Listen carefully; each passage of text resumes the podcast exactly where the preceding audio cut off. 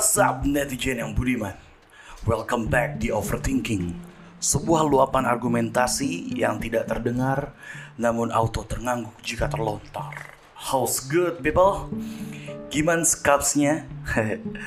Hidup mungkinan adil apa enggak nih? Bangun paginya bersyukur apa tepok jidat? Ya emang-emang deh slogan hidup tuh hidup memang keras. Tapi keucapnya kalau lagi buntung doang. Pas lagi wajar-wajar aja agak kepikiran tuh ngucap begitu.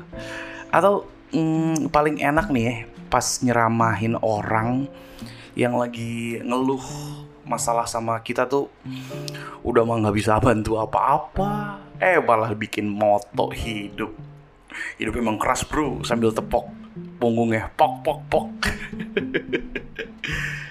Begitulah hidup ya kan? Kita semua tuh lagi jalanin pola yang sama kok dari zaman bahla berjuang untuk berjuang untuk hidup. Born eh born to be eh apa sih? Fight for life ya kan? Cuma damage-nya aja yang rada beda ketimbang masalah orang-orang tua kita terdahulu. Sama gue kepikiran ya apa ya orang tua kita dulu tuh pas umur masih produktif ngerasain gitu pecah pala kayak kita. Atau emang masalahnya kagak terlalu diambil pusing buat masalahnya tuh light gitu ringan. Sebenarnya sih ya masalah kita juga ringan cuman di besar besarin cermatin deh pola hidup para orang tua kita tuh simple namun efektif. Pas zaman sekolah, orang tua kita tuh pasti uh, sekolah, terus dia pasti belajar, lulus sekolah, ada yang kuliah atau mungkin langsung kerja, terus ketemu perempuan, nikah, punya anak, deh, gitu, kayak simple banget, cuma kayak cuma satu dua tiga. Tiga tahap kehidupan lah yang mereka jalani. Dan menerbitkan anak-anak yang seperti kita. Sukses nanggung. Berbanding uh, 180 derajat sama generasi kita. Dan sangat dinamis. Kita tuh pas zaman sekolah belajar kagak malah bandel bergaul malah uh, terjerumus menjalani kenakalan remaja entah apa pun bentuknya ya. Kadang dengan apa tajuk gue nakal itu demi sebuah pencarian identitas atau jati diri. Asik. Lanjut puber kenal cewek udah deh langsung jadi bahan observasi langsung menjalani usaha menjadi pacar yang ideal dan juga baik iya sembari memperbaiki, memperbaiki status hidup dengan bekerja nyari duit gitu. Itu kan yang jadi penopangnya gitu. Lo nggak akan uh, bisa melakukan hal aneh-aneh kalau nggak ada duit. Terus kerja uh, udah mau kerjanya blow on dipecat. Dipecat langsung nyari alasan. Nyarahin atasannya nyarahin parahnya nyarahin perusahaannya gitu. Perusahaan sialan gitu kan nggak sesuai sama etos kerja gue.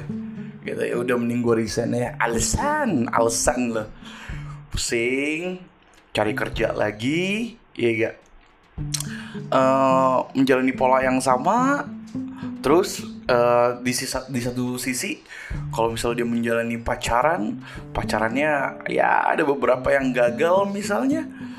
Karena karena lu yang ngeselin hancur mulai lagi. Terus mah ada yang namanya healing ya. Siap healing nih. Ide ngelakuin hal-hal yang baru demi sebuah ketenangan batin. Ribet ribet asli loh asli men ribet loh. Untuk uh, untuk apa untuk tenang aja mesti dinamain healing. Healing tuh ya? Kayak uh, mengobati proses pengobatan lah. Pengobatan untuk ketenangan batin. Rawak belum lagi um, lu harus punya intrik setiap hari. Intrik itu tuh apa ya? Hmm, sebuah trik ya kan? Sebuah intrik sebuah cara untuk lu berbagi waktu uh, antara prioritas lu sama uh, kehidupan lu. Ya gue bilang prioritas di sini bisa apa aja ya. Bisa keluarga bisa pacar bisa kerjaan bisa juga pergaulan dan juga waktu lu sendiri lu pasti uh, tiap hari itu uh, berjuang untuk memilah-milih apa yang jadi prioritas hari ini ya. Kadang kan nggak cuma bekerja.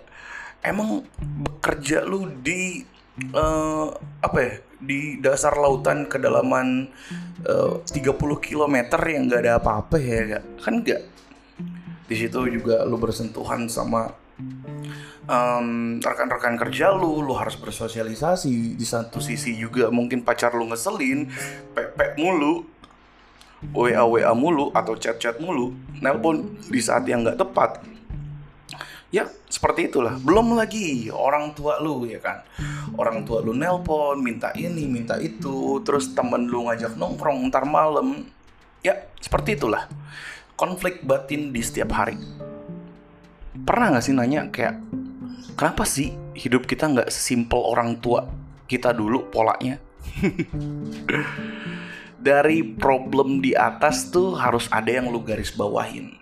Hmm, mungkin salah satu contohnya mungkin tadi uh, gue menjelaskan bekerja ya bekerja resikonya untuk diri lu sendiri plus gitu mungkin kalau lu jadi mm, tulang punggung keluarga ya resikonya keluarga lu gitu kan uh, begitupun bergaul. Kalau misalnya mm, lu bergaul di tempat yang salah ya resikonya pastinya uh, rugi diri sendiri dan juga mungkin um, tempat yang lu uh, tempat di mana lu bergaul itu juga mendapatkan efek yang buruk entah entah dari lu atau entah dari uh, ikut campur lu di situ. Tapi pacaran adalah sebuah kegiatan yang mengandung resiko nggak hanya buat diri lu sendiri, tapi juga melibatkan anak orang. Ya kalau lu laki-laki, ya lu bermain resiko sama anak perempuan orang weh. Dan ya gitu juga sih sebaliknya, kalau lu perempuan, ya lu lagi bermain sama anak laki-lakinya uh, orang tua lain gitu. Semua ada resikonya dan khususan ya kan? Pacaran. Katel lu pacaran lu doang yang rugi. Iye. Kagak kali. Ya itu uh, anak perempuan orang ya kan? Bagaimana so tema yang gue mau bahas di overthinking kali ini adalah punya pacar nggak usah dinikahin pasti kayak loh kok mesti begitu kan first impressionnya? Atau kalau yang lagi pacaran yang denger lagi menjalani pacaran pasti kayak langsung bangke podcast macam apa nih? Pembahasan macam apa nih? Chill chill. Everything come with reason. Seperti itu. Semuanya pasti datang karena alasan. Begitupun um, tema yang gue pilih kali ini karena pasti hasil observasi gue melihat ya kan netizen plus 62 yang berada di sekitar gue uh, menimbulkan suatu uncommon opinion atau unpopular opinion. Hmm, sebelum gue lebih jauh, sejenak gue minta waktu beberapa detik dulu untuk belajar membuka pikiran kita. Dan jujur sama diri sendiri tentang seberapa mumetkah Anda sekarang? Enjoy atau nikmatin hidup itu kagak abadi bos. Makanya gue minta lu jujur. Tadi penggambarannya atau uh, beberapa prolog kasusnya itu sudah gue sampaikan cermatin dulu. Apakah anda sekarang mumet banget? Padahal terlihat enjoy tapi kalau misal lagi sendiri mumet. Atau lagi sama pasangannya mumet. Nah. Karena gue yakin sebahagia bahagianya lu pacaran ada sisi idealis uh, yang lu mau cowok lu mesti kayak gimana atau cewek lu mesti kayak gimana? Dan kayak pengen nulis uh, kisah pacaran lu tuh yang sesuai sama cerita yang lu karang. Yang pastinya sesuai ekspektasi. Tapi nyatanya naas. Yang ada hanya banyak maklum. Jujur jujur. Jujur nggak ada nggak ada nggak ada. Semane semane orang bahagia bahagianya lagi pacaran. Sekarang diri oke okay lah kita pakai barometer bahagia. Bahagianya mungkin ngedate ngedate di uh, tempat yang fancy. Sebanyak banyaknya fulus lu ketika lu uh, mesti spend much money untuk sebuah bill gak lo pasti mikir gitu kan nggak nih kadang kagak buat kayak gini nih. Ini bisa nih buat beli ini nih ini bisa buat beli ini. Itu uh, perihal finansial. Uh, satu sisi uh, perihal kegiatan yang lain lah yang lo lakuin sama pacar lo ya kan. Traveling traveling jalan-jalan gitu. Pas udah udah pulang juga pasti kayak iya deh uh, emang maklum uh, cewek gue kok yang minta? Emang gue juga butuh penyegaran. Tiba-tiba lu yang punya kebutuhan. Bukan konteks pacarannya. Nggak ada. Uh, kayak apa apa kalian pacaran tuh selalu bisa ngerti atas satu sama lain. Ya kalau misalnya nggak ada masalah yang muncul atau nggak ada kegiatan yang dilakuin ya nggak akan ada notabene ngerti satu sama lain. Gini nih uh, standarnya gini dulu deh. Kita kita uh, menyamakan standar dulu. Ini adalah beberapa list kegiatan orang pacaran yang udah gue rangkum. Hmm, pertama tuh standarnya nih ya standarnya. Yang nggak kelewat batas. Orang pacaran tuh biasanya ngedate. Ngedate itu bisa di um, bisa dikategorikan tuh isinya tuh makan um, apa ya paling umum ya nonton uh, ngopi ya um, ya udah seperti itu palingan. Cuman kayak makan rekreasi yang aman-aman aja. Makan nonton pulang deh. Atau ada um, standar yang lain. Misalnya ngelancong atau main ke rumah si pacar. Entah di weekend lu menghabiskan waktu uh, sama pacar lu just di rumah aja gitu. Entah uh, datangnya sebelum datang ke rumah pacar biasanya kan beli buah yang paling aman jeruk. Atau kagak bawa brownies atau enggak kue ya gak donat. Apa pun lah yang yang bener-bener bisa uh, jadi bahan tentengan. Oh, oh oh oh ada yang populer banget sih martabak. Martabak tuh paling kayak uh, something sebuah tentengan yang paling populer dibawa untuk ngelancong. Udah gitu martabak kayak telur atu bangke. Ada mah kagak hitung hitungan kudunya mah. Kalau misal mau ngelancong ya itu dua hal itu ngedate sama ngelancong itu tuh cuman yang paling aman aja standar kalau orang pacaran tuh ngedate ngelancong isinya ya ya seperti itu yang tadi gue sampaikan dan ada beberapa lagi kegiatan tersier dan sekunder kali sifatnya ya Hmm, pertama tuh kondangan. Kondangan uh, entah siapa ya kolega lu gitu kan. Kolega lu nikah terus karena lu punya pacar ya kondangan gitu bareng berdua gitu. Dan uh, satu sebaliknya misalnya kolega cewek lu atau temen cewek lu oh yang paling umum ini yang paling umum uh, ketika keluarga lu keluarga lu punya hajat keluarga lu punya hajat entah sepupu lu entah om lu entah nenek lu kawin lagi ya mau nggak mau lu kan harus datang dong karena lu pacarnya kondangan tuh konteksnya. Itu menurut gue sifatnya sekunder dan bisa dibilang sekunder bisa bilang bisa dibilang tersier tergantung situasi sama tempatnya sih menurut gue terus um, ada oh iya, iya ini ibadah bareng. Ah iya kan? Kalau yang muslim uh, biasanya tuh kayak teraweh ya gak terus buka puasa uh, bareng. Hmm, kalau yang uh, Nasrani atau agama lainnya Nasrani lah misalnya ibadah minggu bareng ke gereja gitu. Atau Natalan bareng.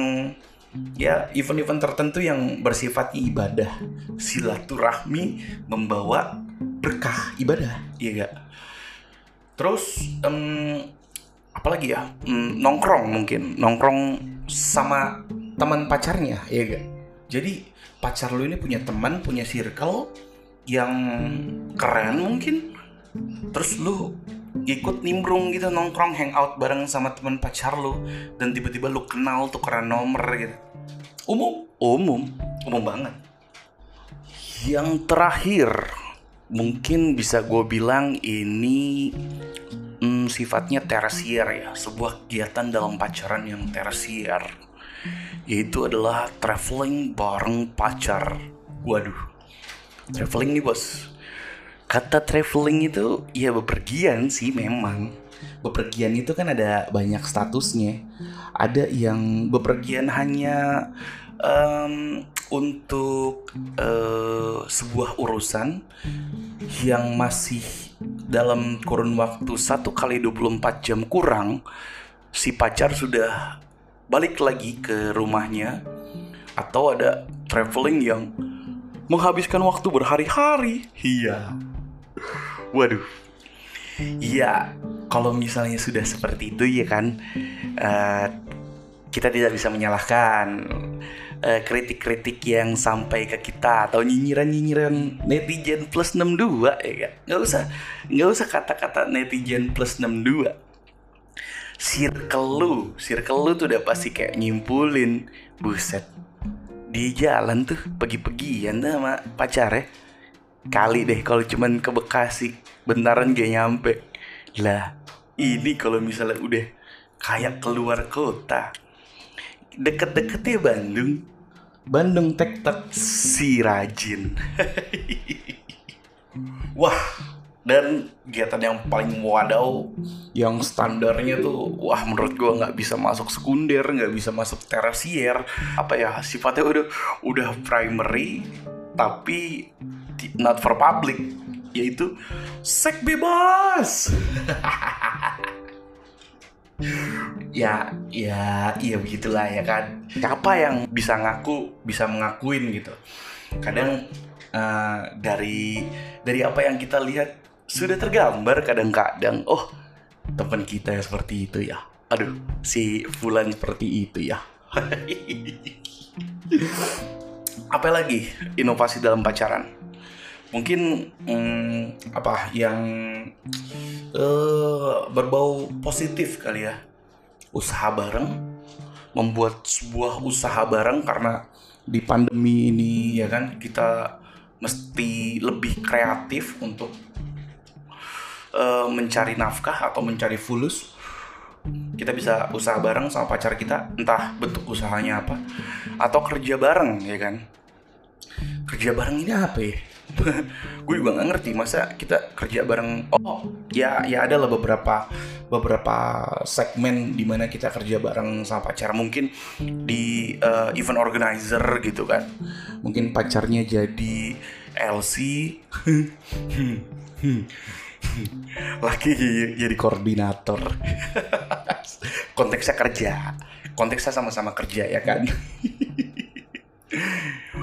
Ada banyak beberapa kegiatan yang eh, nggak uh, umum tapi ya segmented lah buat gue nggak banyak nggak banyak pilihan. Kalau sama pacar tuh ya apalagi gini gini uh, sekarang ditambahnya uh, adanya sosial media inovasi itu nggak bisa dipungkirin bos. Modernisasi itu tuh uh, lambat laun uh, porosnya tuh akan makin cepat perputarannya percepatannya akan makin um, beringas. Kegiatan yang tadi gue sebutin tuh sekarang dipamerin. Wajib apa enggaknya gue gak ngerti deh. Tapi dipamerin di publik biar dapat apa? Biar dapat pengakuan. Entah apa pun itu kayaknya kita tuh punya punya apa ya? Hmm, gue pernah pernah baca riset uh, manusia tuh uh, ketika mendapat pengakuan tuh um, apa ya ada beberapa zat endorfinnya dia yang menyebabkan euforia. Jadi tuh kita seneng kalau misalnya kita dilihat gitu that's why uh, sosial media digemari. Jadi fuck gitu kan. Isinya kayak tadi yang gue sebutin yang kegiatan di luar dari standar uh, pacaran kan ya bisa dibilang kayak hura-hura aja cuman euforia aja. Lah terus esensinya untuk jalin hubungan tuh apa? Kebayang nggak sih? Kayak jalanin hidup ya yeah, yang nggak ada tempo yang temponya belum bisa ditentukan dengan pasangan yang konotasinya harusnya belum dilakukan. Kayak hal-hal yang semestinya belum kita lakukan karena pacar itu kan belum sepenuhnya milik dong. Namun udah udah dilakuin. Nyambung gak sih? Lalu terus nanti nikah nggak ada lagi dong kayak apa yang dicari atau kepuasan apa yang dicari. Oh. Skeptis. Oh iya iya iya gue skeptis. Iya gue spek uh, mungkin uh, nggak gitu dong. Mungkin yang denger agak nggak setuju ya nggak gitu dong. Mungkin ntar pas gue pacaran ada hal-hal lagi yang yang apa namanya hmm, yang gue bisa temuin sama pasangan gue please please please Pulau Jawa bentuknya gitu-gitu aja dari dulu sampai sekarang. Ya yeah ya yeah. uh, Monas juga dari zaman gue belum lahir dari zaman bapak gue belum lahir mungkin ya? Eh bapak gue udah kali ya?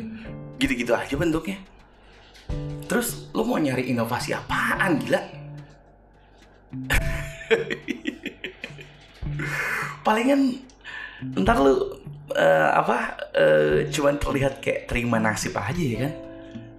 Dan biar nggak ngerasa nggak beban aja anak orang udah dibawa ke mana-mana ya dihalalin. Kalau cuman pengen ngerasa nyayangin makhluk hidup tapi upaya lu masih kentang alias nanggung biar aja kaktus. Modal pot sama air doang kan hidup. Lu namain deh tuh kaktus ibaratnya kayak lu pacaran itu nggak hanya sama pasangan lu. Lu juga harus berbagi uh, rasa berbagi hati berbagi kecocokan sama dunianya dia. Yang cocok agak cocok deh sama lu pasti. Terus lu nikah? Bullshit lu terima dunianya dia. Mencoba nerima iye ada ibaratnya nih ya kayak pernikahan itu tuh uh, menyatukan dua idealis untuk sebuah satu visi dan tujuan. Ya mungkin itu uh, pepatah yang gak umum ya yang gue buat-buat gitu. Tapi kira-kira kayak gitulah. Uh, satu sifat uh, dua dua dua karakter dua sifat yang harus disatukan uh, sama satu ikrar gitu ya dan lo pikir aman aja gitu. Lo pikir bisa langsung sesuai aja gitu. Iya kagak dong. Ya itu kalau mulus. Nah kalau misalnya um, proses pacarannya aja banyak cobaan apa kagak ngepek sama lu? Hah? apa kagak ada resikonya? Apa kagak ada ruginya sama lu udah sama pacarannya sulit gak pacarannya banyak masalah terus lu ngerasa masih fine fine aja mungkin gini buat para pendengar overthinking yang sudah tahu pacaran sejak 10 sampai 20 sampai eh 10 sampai 20 tahun yang lalu agak relate pasti nih. Apa sih dulu macam-macam konflik dalam pacaran? Hmm, berantem karena komunikasi buruk. terus apalagi hmm, misalnya kayak terlalu asik main sama temen lu lah. Atau jarang ngedate atau jarang pacaran gitu jarang ketemu. Atau yang paling uh, yang paling damage nya oke okay, ya kan nggak dibolehin pacaran sama orang tuanya ya. Entah lu gajulan entah lu uh, entah mungkin belum boleh pacaran karena waktunya belajar gitu. Belum boleh pacaran sama orang tuanya si perempuan atau si laki-laki. Si laki-laki si si ada gitu bisa gitu nurut. Uh, kamu jangan pacaran dulu ya. Uh, mas si nurut. Imbasnya apa? Uh, dulu apa ya? Mungkin berantem terus galau lah ya. Galau ya gak itu populer banget dulu ya. Kata-kata galau itu terus uh, gitu aja. Tiba-tiba time heals lah. Balik lagi. Baik lagi akur lagi. Template-nya mostly template-nya mostly kesalahpahaman lah. Kesalahpahaman prioritas atau uh, komunikasi yang buruk. Nah sekarang nih konflik-konflik dalam pacaran waduh udah sangat modern gila. Modern parah malah. Hal-hal ini adalah uh, sesuatu yang akan menjadi prahara dalam pacaran generasi sekarang. Pertama misalnya adalah konflik berantem lah karena karena gara-gara jarang dibelanjain. Waduh ya gak gara-gara jarang dibelanjain deh. Ada ada. Terus um, lebih tersier lagi. Ah pacar gue nggak pernah ngajak traveling nih nggak pernah ngajak jalan-jalan ngeliat yang hijau-hijau ya gak berantem deh tuh. Ada ada lagi. Kurang gaul iya yeah, pergaulan lu permasalahin. Terus uh, ini damage parah sih damage uh, bukan damage parah nih uh, relate banget. Sekarang tuh fasilitas itu menentukan uh, keharmonisan dalam pacaran. Misalnya hal-hal fasilitas-fasilitas yang mendukung dalam pacaran ya misalnya kendaraan ya kan itu ada bisa bisa jadi masalah. Bisa jadi masalah. Kadang uh, punya pacar nggak pernah diajak jalan lewat tol. Waduh masalah. Bisa bisa. Yang selanjutnya mungkin gue baru sadar ini juga terjadi uh, pada era sekarang umum ya kan? Pacaran yang parahnya tuh KDMT kekerasan dalam masa pacaran ya kan? Eh KDMP deh kekerasan dalam masa pacaran dia gak lumrah tuh uh, laki dipukulin eh, cowok eh, apa tuh atau cewek dipukulin gila ada kekerasan dalam pacaran mantap. Uh, itu mungkin menurut gue udah parah sih. Menurut gue udah parah. Tapi uh, kata teman gue sih ada yang lebih epic lagi. Konflik perihal seks ya gak dimasalahin tuh seks seks pacarnya begini ya kan? Jadi konflik. Entah apa pun keluhan masalah seksualnya ya kan? Perihal masalah seks life mereka berdua dimasalahin tapi um, terakhir mungkin ya terakhir nih terakhir contoh yang kayak wadididau tau gue dan ada gitu dan ada di contoh kasus konflik-konflik pacaran zaman sekarang gitu. Ada yang konflik karena dicampakkan setelah aborsi. Masya Allah, duh kelewat gelap nih. aborsi maksud aborsi nih. Aduh, maafin maafin. Ya begitu. Konflik berpacaran tuh bisa segitu ngerinya ya karena meningkatnya juga intelektual kita juga perkembangan zaman juga jadi jadinya masalahnya juga bermutasi. Hei anak muda inget tidur jangan kelewat miring. Ente bakalan tua kalau pacarnya kelewatan dewasa someday anak ente nanya nih papa sama mama pas pacaran dulu kayak mana sih? Apakah kalian akan jawab Wah, mama sama papa sudah coba posisi 69 pas lagi traveling di Bali, pulang mabok dari bis club. Ya, tentu tidak dong. Atau yang versi agak light. Dulu mama sama papa kalau weekend suka jalan ke puncak deh. Pergi hari Sabtu, pulangnya Minggu. Nggak detail, cuman you know lah. What I mean ya kan? Saking banyaknya pengalaman yang kalian buat pas pada saat pacaran, sampai nanti saatnya tiba. Tadi anak lu bertanya, anak kalian bertanya, kalian pilih-pilih deh tuh mau cerita yang mana yang cukup aman untuk anak kalian denger atau mau coba terus terang aja terus tos-tosan lihat efeknya kayak gimana padahal kalau dilihat anak bisa nanya kayak gitu mungkin sedikitnya nyimpen rasa ingin tahu ya perihal siapa sih orang tuanya? Dan kayaknya juga anak bakalan gede. Once dia remaja amit-amit. Dia melakukan hal yang lebih membagongkan dari orang tuanya. Tinggal tepok jidat abe doa deh mudah-mudahan tuh anak selamat dan jadi orang nggak jadi orek. Oke okay. poin yang gue mau sampein adalah ngapain lo pacaran anak orang kalau lo belum punya strategi sama sekali buat nyusun masa depan lo minimal nyusun lah. Belum mulai nyusun dulu. Apa ya, tos-tosan gitu. Apa ikhtiar gitu. Gila kali. Uh, atau jalanin dulu siapa tahu jodoh. Mending kredit KPR bos. Rumah 20 tahun kelihatan lu bisa tempatin. Kalau lu cuman kayak tos-tosan aja. Ya daripada lu pacaran cuman kayak ngisi hidup sampai keyakinan lu muncul dan ego lu kalah ya kagak gitu kan.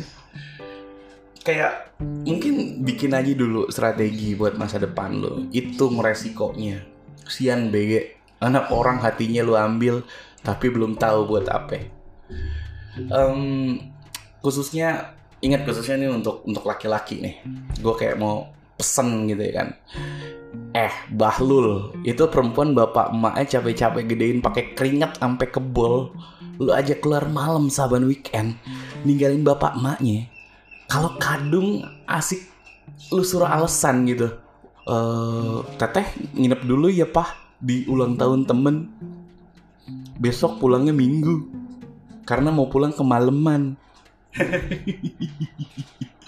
pulang-pulang minggu siang bapaknya lagi sarungan abis sholat juhur ngeliat anaknya pulang utuh ya udah seneng bapak mah padahal dia agak tahu hei semalam abis ngeronda nganuin lakiannya Robian Zareski sign out. Peace.